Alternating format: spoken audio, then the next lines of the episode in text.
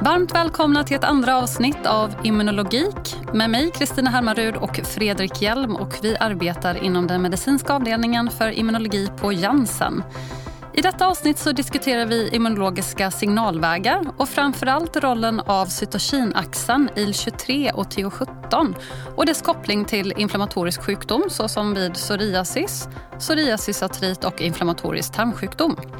Våra avsnitt är fristående men jag vill även passa på att tipsa om föregående avsnitt där Ola Winqvist gick igenom vikten av klinisk immunologi med fokus på immundysfunktion vid inflammatorisk sjukdom. Vi är igen mycket glada att ha med oss Ola Winqvist i även detta avsnitt.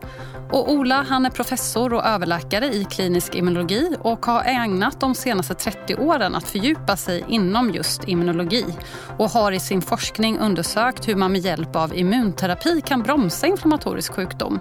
Så igen, varmt välkommen Ola till även detta avsnitt. Tack så mycket. I detta avsnitt så kommer vi diskutera kring två artiklar och de finns länkade vid infotexten till detta avsnittet och där kommer ni även finnas, finna de frågeställningarna som vi tar upp. Och jag tänker att vi djupdyker rakt in på den första frågan här och det handlar om signalvägen vid IL-23 och IL-17, det vill säga IL-23 och TH17-axeln. Och den beskrivs ju i de här artiklarna. Och man ser ju det som en nyckelroll i att driva sjukdomsprocessen vid bland annat psoriasis, psoriasisartrit och inflammatorisk tarmsjukdom. Så som en första fråga så tänker jag att vi kanske kan börja med att reda ut begreppet. Vad är egentligen den här IL-23 och TH17-axeln och varför har begreppet myntats? Det är ju så här att detta är en eh, väldigt tidig initiering av immunsvaret. Man kan nästan se den som ett litet primitivt första försök att liksom engagera sig i någon form av infektion. Eh, IL-23 är en cytokin som kan produceras av de primitiva cellerna produceras av makrofager, dendritceller till exempel. Det kan också produceras av andra celler när de träffar på någon form av patogen. Och IL-23 är den cytokinen som sedan börjar engagera ett antal olika aktiviteter. Och det som har gett upphov till den här axeln, TH17-axeln, det är att IL-23 behövs för att eh, T-lymfocyter som specialiserar sig på att göra bland annat IL-17 ska utmogna, engageras och utvecklas till att bli det vi kallar idag för en TH17-cell. Eh, till T17-cellerna sen gör förutom ett antal olika interleukin 17-cytokiner gör ett antal andra, till exempel IL-22. Och det här är alla cytokiner som vi ser är uppreglerade i de här sjukdomstillstånden i psoriasis, i psoriasisartrit och inflammatorisk tarmsjukdom. Vi vet också att i, i, olika musmodeller till exempel inflammatorisk tarmsjukdom har man slagit ut eh, eh i IL-23 möjligheten, ja då får man inte sjukdomen. Sprutar man IL-17 i huden eller IL-23 i huden så kan man få psoriasisliknande tillstånd. Så vi vet att detta är effektorsubstanser och signalvägar som är väldigt, väldigt fundamentala för de här sjukdomarna. Och slutligen så ser vi också att eh, varianter, genetiska varianter i den här signalvägen i IL-23-receptorn eller i förstärkarsteg med till exempel då tykkinaset. Varianter med dessa är eh eh, eh, eh, korrelerade med de här sjukdomarna. Så den här vägen, den här signalvägen eller axeln är väldigt väl etablerad som en grundförutsättning för utvecklingen av de här sjukdomarna. Och inte minst så visar det också med nya moderna biologiska läkemedel, när vi engagerar denna axeln på olika nivåer eh, eh, så har vi goda effekter på de eh, inflammatoriska processerna. När man börjar gräva lite grann i IL-23 TH17-axeln så ser man många artiklar kring expansion, differentiering, och överlevnad. Vad, vad tror du är huvudrollen för IL-23? Mm. Ja, jag, jag, tror verkligen att IL-23s eh, huvudsakliga roll är att engagera olika celltyper. Eh, och här nämns ju TO17-cellerna. Eh, men det är inte endast dessa celler som kan engageras med IL-23 receptorengagemang utan det gäller även eh, eh Eh, inata lymfoida celler, gamma-delta T-celler, NK-celler och även stödjeceller kan engageras av IL-23-signalering. Så att det är ett stort antal celler som engageras men oftast när man tänker på det så tänker man TH17-cellen som behöver IL-23-signalering för att producera de transkriptionsfaktorerna som gör den här celltypen unik, ROR-gamma-T. Eh, om man tittar på evolutionen av T-cellerna. Vi har ju gått från att ha en T-cell till en TH1-cell till en TH2-cell och nu har vi en TH17-cell. Vad gör eh, TH17-cellen så unik? Ja, det, det som gör att den är unik är att den har en unik transkriptionsfaktor som heter ROR gamma T. Och eh, för att du ska utveckla ROR gamma T så behöver den här T-cellen ta emot eh, ett antal signaler där IL-23 är en extremt viktig komponent men också IL-6 behövs och TGF-beta. Så de tillsammans gör att man startar ett eh, genetiskt program Eh, och det, är, det är ett väldigt tydligt genetiskt program där man öppnar upp olika delar av arsenalen som gör att den här cellen nu tillåts att producera IL-17, IL-22 och ofta TNF-alfa. Så detta är primitiva cytokiner som, som börjar ganska snabbt att produceras då från den här differentierade TH17-cellen. Så den, i med de här olika signalerna så mognar den ut. Och så ska det också sägas att beroende på koncentrationerna och eh, övrig diskussion i den här inflammationen så är TH17-cellen också ganska närbesläktad med den regulatoriska T-cellen. Så skulle TGF-beta vara i lite mer överskott jämfört med IL-23 så kan den här T-cellen egentligen utvecklas till en regulatorisk T-cell istället.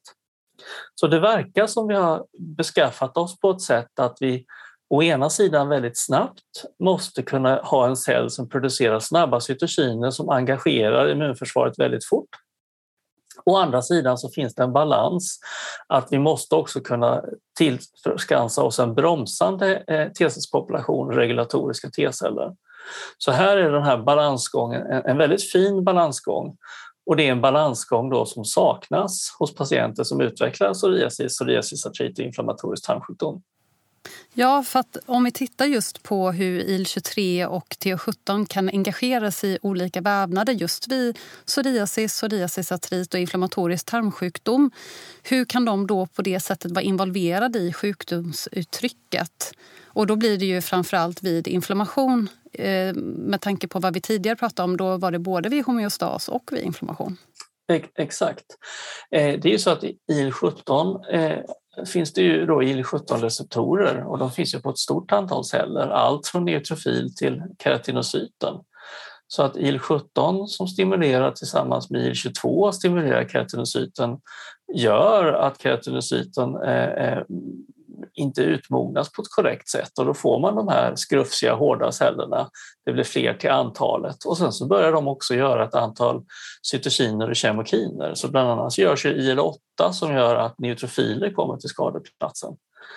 I, i, i, om man istället tittar på Eh, I, i, benet, eh, i, i leden, så får man aktivering av osteoklaster via IL-17. Så man får alltså en nedbrytning av benprodukt. Man aktiverar nedbrytning av ben i närvaro av IL-17. Så det är ju direkt eh, del av mekanismen och även kondrocyter påverkas. Att olika enzymer med matriksmetall och proteaser som är liksom tuggande enzymer som bryter ner brosket, man kan nästan höra hur ont det gör, eh, blir aktiverade av den här eh, mekanismen.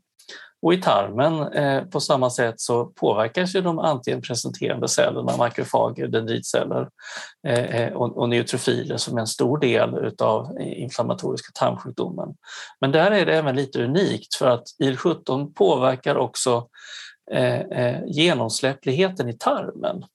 Så det är lite skillnad där vid inflammatorisk tarmsjukdom att IL-17 ser ut att behövas för att hålla ihop tight junctions på ett bra sätt i tarmen. Och därav en liten förvåning att IL-17-blockad inte fungerar speciellt väl, kan till och med förvärra sjukdomstillståndet vid Crohns sjukdom. Medan i huden eller i leden så fungerar IL-17-blockad väldigt väl. Så I och med att det är så många olika cellslag som påverkas med ett stort antal olika eh, effektorsubstanser så blir ändå utfallet en summationseffekt där förvånansvärt då så kan saker och ting eh, gå åt fel håll om man bryter in på en speciell plats. Eh, eh, eh, medan om man bryter in med IL-23-blockad i tarmen så fungerar det alldeles, alldeles utmärkt. Och det beror på att det finns IL-17 som produceras utan IL-23 från till exempel gamma-delta-T-celler. Så det är väldigt komplext. Vi börjar bara bli förvirrade på en högre nivå så vi är inte riktigt där än. Men vi är på väg att bena ut de här olika tillstånden, vad exakt de har gemensamt och vad som lite skiljer sig i de olika tillstånden så att vi kan välja de bästa läkemedlen för varje given situation. Eh, vi är tre stycken immunologer som sitter här. Om vi eh, skulle ta ut oss eh, ett steg och börja från immunförsvaret och ta oss in i IL-23, TH17-vägen. Hur, hur skulle det se ut? Eh, jag tror att då skulle vi behöva gå in och mäta eh, eh, dessa tillstånd och då inte i blodet utan på skadeplatsen. Och det är inte säkert att det är IL-17 man ska mäta utan man kanske ska titta på tillståndet i cellerna, vilka signalvägar som faktiskt är påslagna och till vilken omfattning där tror jag att vi kommer att kunna gå in och dissekera inom en snar framtid för att kunna liksom mer bestämma exakt vad är det vi vill påverka hos just den här patienten. Kanske vi måste gå in i olika fönster, att man börjar i ena ändan, fortsätter och kanske går in specifikt och blockerar bara en komponent. Vi har ju tendensen att eh, man går in och blockerar IL-22 och så funkar inte det, så det, det, funkar inte, så slänger man bort den idén. Men det kanske fungerar alldeles, alldeles utmärkt att blockera med IL-22 i ett visst givet tillstånd. När man väl gärna vill påverka kanske bara keratinocytens delning eller vad det nu kan vara för tillstånd man vill gå in och manipulera. Så den här dis dissektionen, att förstå lite skillnaden mellan olika IL-17 eh, eh, i familjen exakt vilka som är aktiverade kan man gå in och blockera enstaka men undvika andra och tillåta vissa effekter. Här skulle jag jättegärna vilja gå in och försöka förstå då i tidiga tillstånd hos obehandlade patienter. För då får man den jungfruliga spegelbilden utav eh, eh, eh, IL-23 TH17-axeln. Ja, det är väldigt intressant det där med vad som är mätbart och hur man går in och mäter. Om man tittar systemiskt eller om man ska titta lokalt. Och eh, just när det gäller vävnaden och vad som sker lokalt där så har man ju data pekar på att just IL-23 kan vara involverad i differentieringen och överlevnad av eh, vävnadsresidenta minnes-T-celler. Mm. De förkortas ju TRM. Mm. Och hur samverkar de här TRM-cellerna med eh, IL-23 och TH17-axeln? Och kan man se att de här cellerna har då en betydelse för patogenesen, främst då vid psoriasis? Ja, alltså dessa celler är ju först beskrivna i huden. Det är ju T-celler som har liksom slagit ner sina pålar för att bosätta sig, i det här fallet i huden. Och det gör de för att de uttrycker ett antal eh, molekyler på ytan och så har de slutat uttrycka molekyler som gör att de får tillåtelse att ta sig ifrån huden. Så de är mer eller mindre fast. De här cellerna heter ju som de gör, alltså de har restent, de har slagit sig på på plats och memory det är minnesceller. Så det betyder att de har skapat ett program. De har ett immunologiskt svarsprogram så när de vilar så är de förberedda och behöver inte lika mycket signal för att aktiveras när de påträffar en invasion utav, låt oss säga en, en, en svamp eller en bakterie. Så detta är celler som är på skadeplatsen som genast är fler till antalet det behövs ingen tidsdelay utan så, så snart en barriär är bruten så kommer de att sätta igång och producera sina olika komponenter med cytokiner och inflammatoriska substanser för att snabbt kunna eh, eh, bekämpa ner fienden. Och de här cellerna är ju orsaken varför det blir kroniska sjukdomar, att det blir kroniskt återkommande sjukdomar med läkningsperioder emellan. I och med att det då finns miljontals celler som är på plats och ställe och eh, de är då eh, differentierade ut, eh, inte alla förstås, men en stor andel av dem är differentierade ut att bli rorgamma-T innehållande TH17-celler. Så de är ofta CD8-celler eller CD4-celler som har rorgamma-T-profilen och är TH17-celler helt enkelt. De här finns inte bara i huden, de finns, motsvarande celler finns ju också i tarm och i knäleden. Så det är ett generellt begrepp att eh, det finns celler som har eh, valt att, att, vara kvar i skadevävnaden. Normalt sett så kan ju T-cellerna lämna och eh, central memory celler så att de befinner sig i en lymfkörtel eller i mjälten och det är klart, då tar det ju längre tid att mobilisera de styrkorna. Så här finns de TRM-cellerna vid gränsen och är fullt beredda att attackera så fort någonting passerar barriären. Jag tänkte på i föregående avsnitt, eh, då diskuterade vi just det här tidiga skedet, det akuta skedet kontra det sena kroniska skedet. Ja. Är det också relevant att diskutera det utifrån IL-23 och TH17-axeln? Ja, det, det, det, är det. I och med att det är olika celler som passerar igenom så i det, i det, i det initiala stadiet så ser man att IL-23-produktionen också engagerar eh, primitiva celler som innata lymfoida celler, ILC3 framför allt, men också gamma, gamma delta T-celler eh, eh, och, och, och NK-celler. Så de drivs till att producera IL-17 och IL-22. Antalet av de cellerna är sannolikt mycket, mycket lägre men jag ser på dem som att de är en, en första försvar. Vi måste sätta igång och producera IL-17 och IL-22. Och när nivåerna efter IL-23 och IL-6 och TGF-beta är tillräckligt höga så utvecklar man då eh, eh TH17-cellerna som är de långlivade kroniska cellerna. Och där tror jag är en skillnad att när man väl då etablerar de kroniska cellerna som så småningom en del av dem blir TRM-celler och är kvar i vävnaden, då är man fast i sin sjukdom. Då har man etablerat ett kroniskt eh, eh, inflammatoriskt sjukdomstillstånd. Om vi eh, skulle försöka oss på en framtidsspaning här. Vi har ju eh, eh, behandlingar som idag eh, blockerar IL-23 och därmed TH17-vägen. Vad skulle vi behöva förstå ännu bättre för att, att kunna använda de här på ett ännu bättre vis? Ja, jag, jag, jag tror det är att i och med att det finns då IL-23 oberoende produktion av IL-17. Det finns gamma delta T-celler som inte behöver IL-23-signalering. Så tror jag att det blir viktigt att förstå exakt vilka celler eh, och vilka vägar som är aktiverade hos just den här patienten. Ibland tror jag att det kan vara en fördel att eh, blockera tidigare och ibland tror jag att det är en nackdel att blockera tidigare beroende på var man befinner sig. Och det är klart att IL-23 känns ju som att det befinner sig i den tidigare delen och IL-17 är ju så att säga mer av en effektorcytokin. Så att lite beroende på var man befinner sig i den här tidsaxeln och i, i omvälvningen från eh, det, det, akuta eh, inata eh, till, till, tillståndet till det mer kroniska adaptiva tillståndet så tror jag att vi kommer att välja lite mer. Kanske går man in med en puls med en IL-23-blockad för att sedan fortsätta med IL-17-blockad. Och IL-23-blockaden har kanske som huvudsyfte egentligen att undvika att etablera TH17-celler. Och det är klart att undviker man att etablera TH17-celler då får man färre eh, TRM-celler och det betyder att nästa gång som man eh, bryter barriären så är det färre celler som svarar. Så den typen av tankemönster och sätt att att, att liksom, eh, försöka diagnostisera och förstå var inflammationen befinner sig tror jag kommer vara jätteanvändbara i framtiden så att vi använder dessa potenta begåvade läkemedel på det mest begåvade sättet.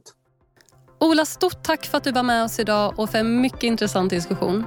Om du som lyssnar önskar att återkoppla till oss så hör du av dig till vår e-mail som finns länkad vid infotexten. I nästa avsnitt ser vi fram emot att ha med oss Psoriasisförbundets verksamhetssamordnare Barbara Bohannen. Och då ska vi diskutera patientdelaktighet inom svensk hälso och sjukvård och detta från en patients perspektiv. Tack så mycket för att ni lyssnade in och på återhörande.